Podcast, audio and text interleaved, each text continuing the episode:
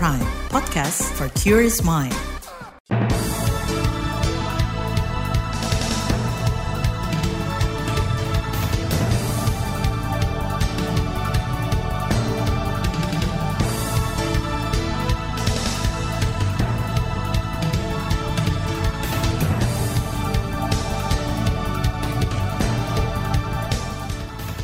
Selamat pagi saudara, berjumpa kembali dalam program Buletin Pagi edisi Rabu 22 November 2023.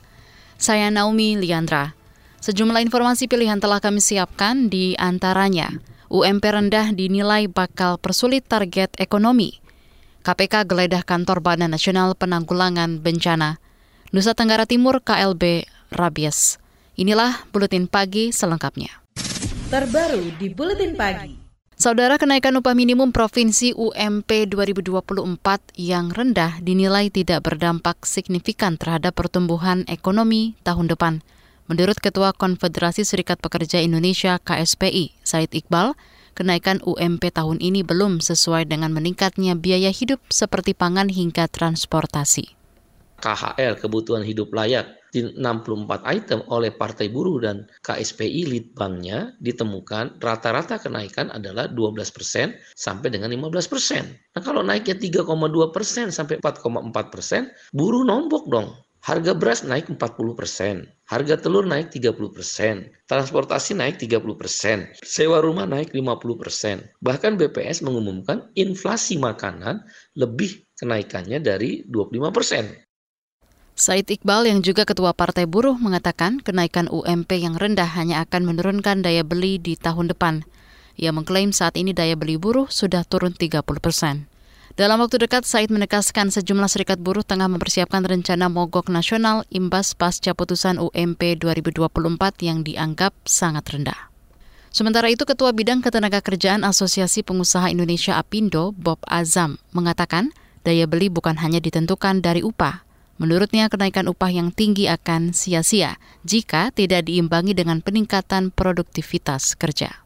Jadi selalu kita tuh dinarasikan upah buruh itu merangsang daya beli, multiplier ekonomi, dan lain sebagainya. Sebenarnya yang kita juga harus perhatikan, mampu nggak kita mensuplai barang sesuai dengan kenaikan harga uh, kenaikan upah gitu. Kalau nggak mampu, yang terjadi permintaan tidak diikuti dengan supply barang, shortage. Akibatnya inflasi. Nah kalau inflasi itu nanti multiplier efek gitu loh, ya ke mana-mana. Itu tadi Ketua Bidang Ketenagakerjaan Apindo, Bob Azam. Sebelumnya Menteri Ketenagakerjaan Ida Fauzia meminta agar para kepala daerah tetap memedomani perhitungan UMP tentang pengupahan dengan tiga variabel. Ketiganya adalah pertumbuhan ekonomi, inflasi, dan indeks tertentu. Itu saya tentu sangat berharap pada Bapak Ibu Gubernur, Bapak Ibu Bupati Wali Kota, eh, kami berharap menyikapi situasi kondisi ini secara bijak, tenang, namun eh, saya tetap berharap tetap tegas dan patuh pada ketentuan yang ada dalam PP 51 tahun 2023 ini. Itu tadi menakar Ida Fauzia. Salah satu provinsi yang telah menetapkan adalah DKI Jakarta. UMP 2024 di ibu kota naik 3,6 persen atau Rp165.583 dari tahun ini. Menurut penjabat Gubernur DKI Jakarta Heru Budi Hartono, Pemprov menetapkan alfa tertinggi yaitu 0,3 sesuai PP nomor 51 garis miring 2023 tentang pengupahan. Jadi rupiahnya dari 4,9 menjadi 5 juta 67 ribu 381. Itu tadi PJ Gubernur DKI Jakarta Heru Budi Hartono. Hingga semalam, Kemenaker mencatat sudah 28 provinsi yang menetapkan UMP 2024. Direktur Jenderal Pembinaan Hubungan Industrial dan Jaminan Sosial, Indah Anggoro Putri, mengatakan angka kenaikan UMP terendah adalah 1,2 persen atau sebesar lebih Rp35.000. Sedangkan kenaikan yang tertinggi sebesar 7,5 persen atau sebanyak lebih Rp223.000. Namun dia enggan menyebutkan kedua provinsi dimaksud. Kenaikan UMP 2024 dinilai jauh dari ideal. Menurut Direktur Lembaga Riset Ekonomi dan Kebijakan Publik Selios Bima Yudhistira, rata kenaikan UMP di setiap daerah masih sangat rendah. Padahal menurut Bima, Jika mengacu inflasi, semestinya buruh mendapatkan bagian dari pertumbuhan ekonomi atau minimum upah ideal 10 persen. Ini juga mengindikasikan bahwa pemerintah tidak memandang bahwa upah ini sebagai salah satu stimulus untuk mendorong pertumbuhan ekonomi khususnya konsumsi rumah tangga karena kalau upahnya rendah belanja masyarakat khususnya menengah bawah pun juga akan tertahan padahal konsumsi rumah tangga ini memiliki porsi yang sangat besar terhadap pertumbuhan ekonomi kan jadi harus dijaga Bima mengatakan rendahnya kenaikan upah bakal mempersulit realisasi pertumbuhan ekonomi tahun depan yang ditarget 5,2 persen dengan inflasi di 2,8 persen. Bima menyebut rendahnya upah buruh bakal menjadi salah satu hambatan mencapai pertumbuhan ekonomi yang lebih tinggi. Saudara, pemerintah bersiap menyambut puncak arus mudik Natal dan Tahun Baru. Tetaplah di Buletin Pagi KBR.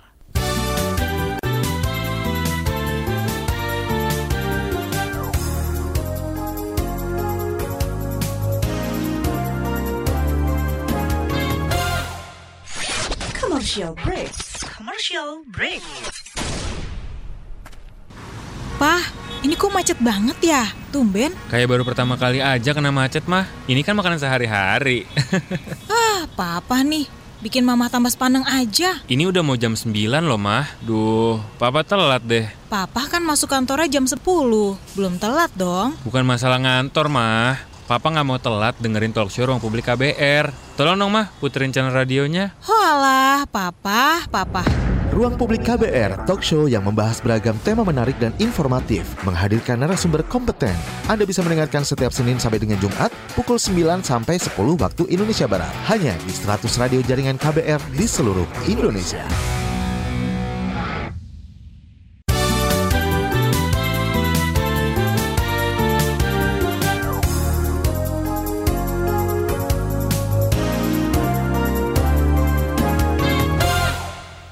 Presiden Joko Widodo hari ini dijadwalkan melantik Jenderal TNI Agus Subianto sebagai Panglima TNI di Istana Negara, Jakarta. Pelantikan akan dilakukan usai kemarin rapat paripurna yang dipimpin Ketua DPR Puan Maharani menyetujui laporan hasil uji kelayakan dan kepatutan di Komisi 1 Bidang Pertahanan dan Keamanan. Dan menetapkan Jenderal TNI Agus Subianto SEMSI sebagai calon Panglima TNI tersebut dapat disetujui. Setuju. Itu tadi Ketua DPR Puan Maharani.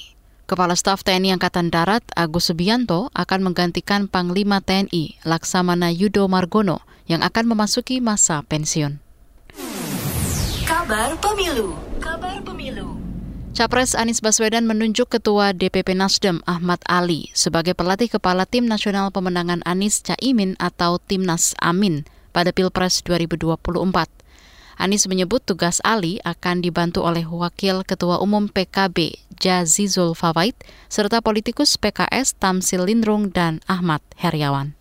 Dia memikirkan strategi, dia memikirkan cara untuk menang, arahan bagaimana pemain di lapangan bergerak, bagaimana mengingatkan pemain untuk bisa memberikan penampilan yang terbaik. Sebelumnya pasangan nomor urut 1 Anies dan Caimin telah mengumumkan nama kapten dan wakil kapten timnas Amin beberapa waktu lalu. Kapten dijabat oleh ex Kabasarnas Muhammad Syaugi dengan didampingi oleh 12 wakil kapten, sekretaris bendahara dan tim hukum nasional. KPU Kabupaten Kediri, Jawa Timur mendapati belasan bilik suara untuk pemilu 2024 rusak dan tidak dapat digunakan. Ketua KPU Kabupaten Kediri, Nini Sunarmi, mengatakan temuan itu didapat setelah pihaknya menerima lebih 19 ribu bilik suara.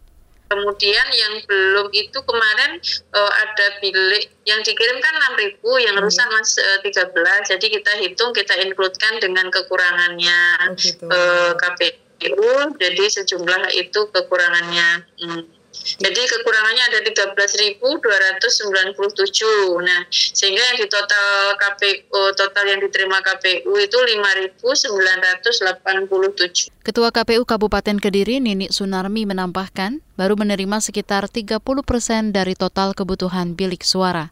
Selain itu, tinta dan segel plastik sudah diterima lengkap sesuai kebutuhan. Beralih ke informasi selanjutnya, Menteri Perhubungan Budi Karya Sumadi memperkirakan puncak arus mudik dan balik saat libur Natal dan Tahun Baru bakal terjadi dua sesi. Menhub menyebut pergerakan masyarakat saat musim libur Nataru diprediksi lebih dari 107 juta orang. Angka ini naik 143 persen bila dibandingkan Nataru tahun lalu. Dan kita memang memperkirakan puncak mudik itu pada tanggal 22-23 Desember dan puncak arus balik Natal ada 26 27 Desember. Sedang puncak arus balik tahun baru pada 29 30 Desember dan baliknya adalah 1 2 Desember. Nah, dengan terpecah dua ini memang mungkin uh, Nataru tidak seberat uh, lebaran. Itu tadi Menhub Budi Karya Sumadi. Diperkirakan arus lalu lintas Nataru bakal didominasi kendaraan pribadi yakni mobil sebesar 35 persen atau 39 juta orang, disusul sepeda motor 17 persen atau 20 juta orang. Sementara itu, Kakor Lantas Polri, Firman Santiabudi, mengusulkan truk Sumbu 3 tidak beroperasi pada puncak arus mudik serta arus balik libur Natal dan Tahun Baru.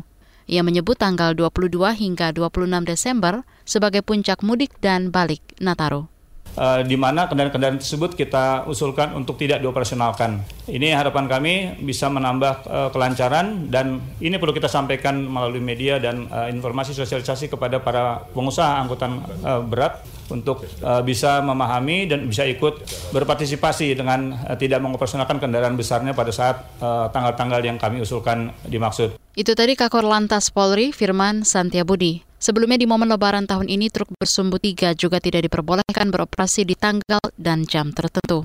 Beralih ke informasi hukum, KPK menggeledah kantor Badan Nasional Penanggulangan Bencana BNPB hingga rumah tersangka korupsi pengadaan alat pelindung diri atau APD COVID-19 di Kementerian Kesehatan Kemenkes tahun anggaran 2020-2022.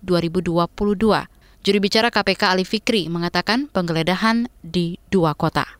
KPK telah melakukan penggeledahan di berbagai lokasi yang berbeda di wilayah eh, Jakarta dan sekitarnya serta di Surabaya. Di antaranya adalah kantor BNPB, kemudian kantor Pusat Krisis Kesehatan, Kementerian Kesehatan, salah satu ruangan di kantor LKPP, dan rumah kediaman dari para pihak yang tetapkan sebagai tersangka dalam perkara ini. Ali mengatakan, tim penyidik menemukan dan menyita bukti seperti dokumen pengadaan, catatan keuangan, hingga transaksi pembelian barang. Ali menjelaskan nilai anggaran proyek tersebut mencapai lebih 3 triliun rupiah untuk 5 juta set APD. Ia menyebut KPK sudah menetapkan tersangka, namun belum menyampaikan identitasnya secara gamblang ke publik. Kita ke soal lain.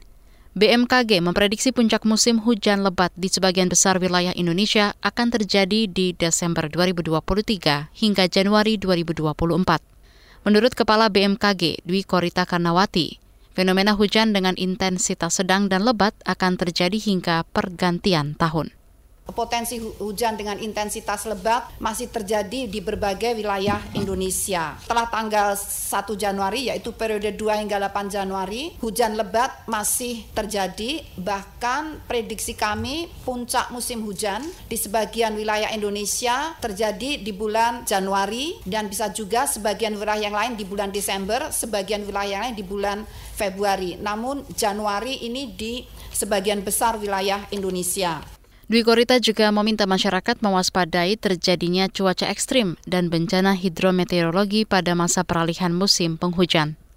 Keberita mancanegara, pasukan Israel dilaporkan masih menyerang rumah sakit Indonesia di jalur Gaza usai serangan pertama diluncurkan awal pekan ini. Jurnalis Anas Al-Shahrif mengatakan kepada Al Jazeera, militer Israel terus menargetkan orang-orang di rumah sakit tersebut hingga hari ini. Siapa pun yang bergerak di Rumah Sakit Indonesia disebut bakal ditempaki. Al-Syarif juga melaporkan jenazah-jenazah para korban serangan juga menumpuk di rumah sakit dan tak bisa dikuburkan. Sebab dengan situasi seperti ini, mereka yang salah bergerak bakal menjadi sasaran empuk tempak, tembakan Israel. Sejauh ini jumlah korban jiwa agresi di Gaza sudah mencapai lebih 13 ribu orang. Mayoritas korban adalah anak-anak dan perempuan. Kita ke berita olahraga sepak bola. Timnas Indonesia hanya mampu meraih hasil imbang 1-1 kala bersua Filipina di grup F kualifikasi Piala Dunia 2026 zona Asia. Filipina bahkan bisa unggul terlebih dahulu di babak pertama lewat gol Patrick Rahalt sebelum akhirnya Indonesia bisa menyamakan kedudukan lewat kaki Sadil Ramdhani. Hasil ini membuat Indonesia sementara masih menjadi juru kunci di grup F. Tim Merah Putih mendulang satu poin dari dua laga di bawah Filipina, satu, Vietnam dan Irak, tiga. Di bagian berikutnya kami hadirkan laporan khas KBR tentang polemik pemberian makanan tambahan untuk stunting. Tetaplah di Buletin Pagi KBR.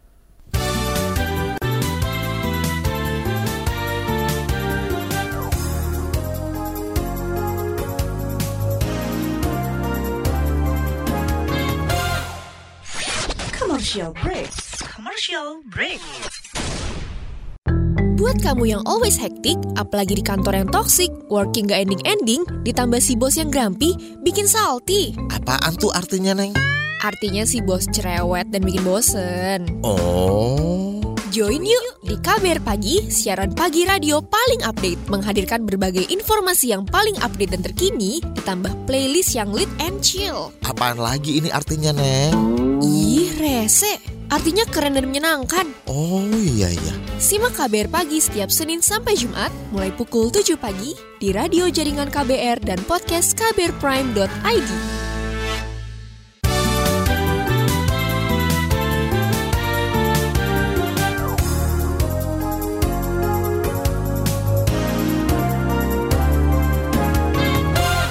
Anda masih bersama kami di Buletin Pagi KBR. Saudara, menu pencegahan stunting atau tenkes di sejumlah daerah menuai polemik lantaran tak memenuhi kecukupan gizi anak. Padahal salah satu penyebab stunting pada anak adalah kekurangan gizi kronis. Polemik muncul lantaran pemerintah mengucurkan anggaran hingga triliunan rupiah untuk menurunkan angka stunting menjadi 14 persen di 2024. Selengkapnya simak laporan khas KBR disusun Syafira Aurelia. Pemberian makanan tambahan atau PMT untuk pencegahan stunting atau tengkes di sebagian wilayah Kota Depok, Jawa Barat dan Aceh Utara Aceh menuai kritik sebab menu yang diberikan tak memenuhi kecukupan gizi anak. Di Kota Depok misalnya, menu yang diberikan terdiri dari nasi, kuah sup, nugget, dan tahu. Padahal Pemkot setempat menganggarkan 4,9 miliar rupiah untuk PMT sebagai bagian dari upaya pencegahan stunting. Menanggapi itu, Menteri Koordinator Bidang Pembangunan Manusia dan Kebudayaan PMK Muhajir Effendi menyatakan menu makanan PMT semestinya terdiri dari sejumlah jenis makanan yang bergizi seimbang. Tapi kalau saya baca dari penjelasan dari teman-teman wartawan, itu sangat tidak layak itu untuk makanan tambahan. Karena makanan tambahan itu harus mensyaratkan karbohidratnya, kemudian terutama protein hewani, dan vitamin dan mineralnya harus betul-betul uh, memenuhi syarat cukup. Muhajir memerintahkan pemerintah daerah tidak main-main dalam menggunakan anggaran yang sudah disediakan untuk penanganan stunting. Di kesempatan berbeda, Badan Pangan Nasional Bapanas juga menyerukan pemerintah daerah melaporkan jika menemukan ada bantuan menu PMT yang tidak layak konsumsi. Sekretaris Utama Bapanas Sarwo Edi mengaku telah menyalurkan bantuan PMT kepada lebih dari 1,4 juta keluarga rawan stunting atau KRS. Bantuan itu berupa telur satu pak dan daging ayam satu kilogram mohon dari pemerintah daerah, baik di tingkat provinsi, kabupaten, kota, untuk ikut melakukan monitoring terhadap kelancaran pelaksanaan bantuan pangan ini dan mohon diinformasikan apabila ada bantuan atau barang-barang yang rusak atau barang-barang eh, yang memang tidak layak untuk dikonsumsi. Sekretaris Utama Bapanas Sarwo Edi mengeklaim tahap pertama penyaluran bantuan menu stunting sudah mencapai 100 persen, sedangkan tahap kedua baru 73 persen.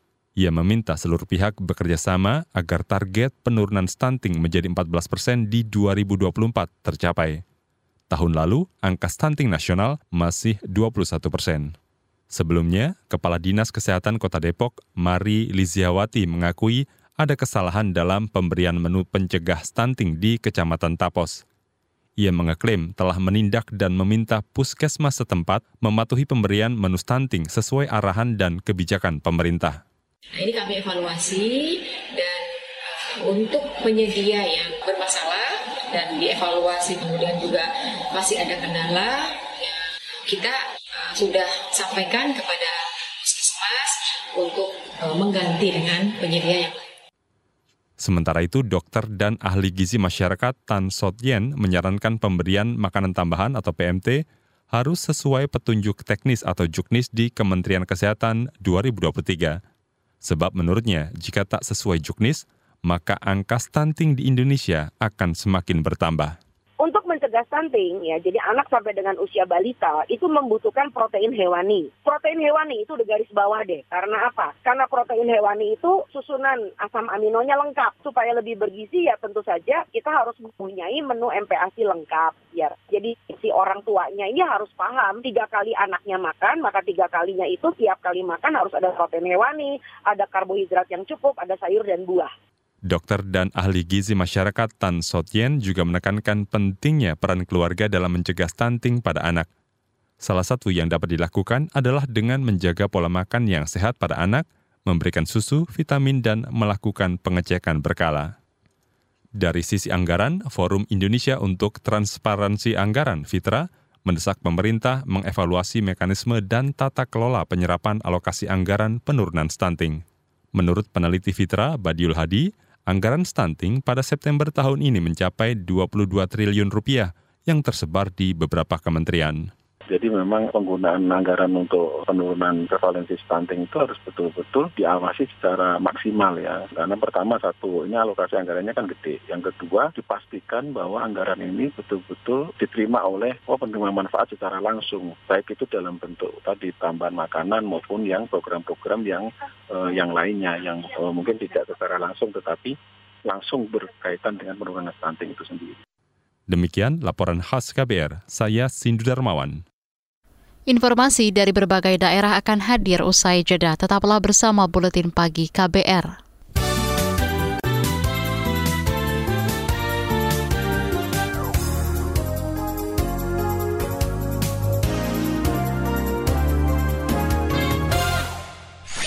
Commercial break. Commercial break.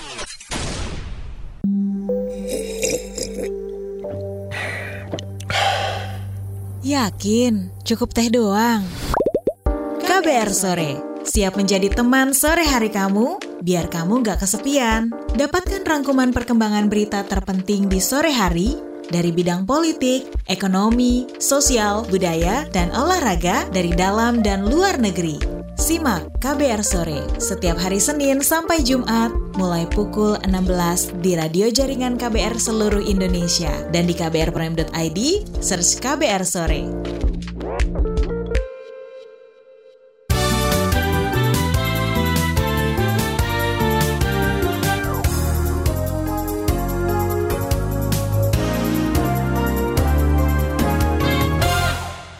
Inilah bagian akhir buletin pagi KBR. Saudara, kepolisian mengungkapkan ada 52 jalur tersembunyi di Kalimantan Barat yang dimanfaatkan pelaku tindak pidana perdagangan orang TPPO. Kasubdit 4 Ditreskrimum Polda Kalimantan Barat, Syahirul Awap, menjelaskan jalur itu tersebar di lima kabupaten kota, yaitu Sambas, Bengkayang, Sanggau, Sintang, dan Kapuas Hulu. Ini yang kita deteksi. Bagaimana yang tidak kita deteksi? Tentunya saya yakin masih ada, cuman kita belum monitor kalau kita lihat ini di Sambas ada delapan jalur tikus. Mungkin kalau orang sini bilang jalan sawit atau jalan setapak atau demikian. Ini belum yang melalui sungai, sungai kecil, menyeberangkan orang dengan mungkin perahu. Ya kita masih berupaya terus menutup akses-akses ini. Itu tadi Kasubdit 4 di Treskrimum Polda Kalimantan Barat, Syahirul Awap. Sebelumnya Juni lalu, Satgas TPPO Kalimantan Barat menangkap 37 tersangka dan menyelamatkan lebih 130 korban calon pekerja migran ilegal. Kita ke daerah lain. Pemerintah Provinsi Jawa Barat menyerukan waspada peningkatan jumlah kasus penyakit demam berdarah, DBD. Kepala Dinas Kesehatan Jawa Barat, Vini Adiani Dewi, mengatakan jumlah kasus penyakit DBD paling tinggi selalu terjadi saat peralihan musim dari kemarau ke penghujan waspada ketika terjadi pergantian musim kemarau ke musim hujan pasti terjadi peningkatan DBD. Seperti contoh sekarang, biasanya yang agak meningkat itu kan sekitar bulan uh, dari mulai sampling itu berarti Agustus, September, Oktober ya menuju berber udah berber mah berhenti lagi.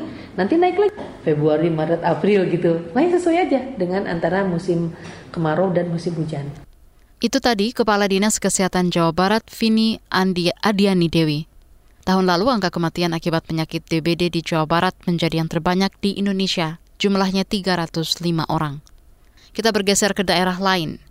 Pemerintah menetapkan Provinsi Nusa Tenggara Timur NTT berstatus darurat rabies dan masuk kejadian luar biasa KLB.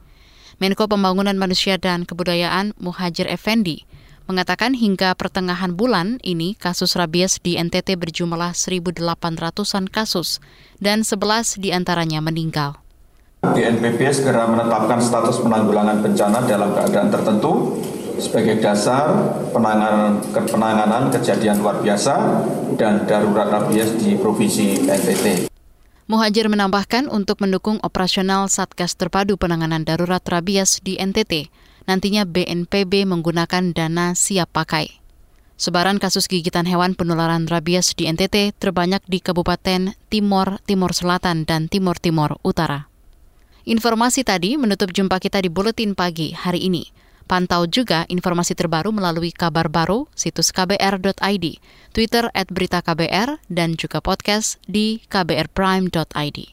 Saya, Naomi Liandra, bersama tim yang bertugas undur diri. Salam.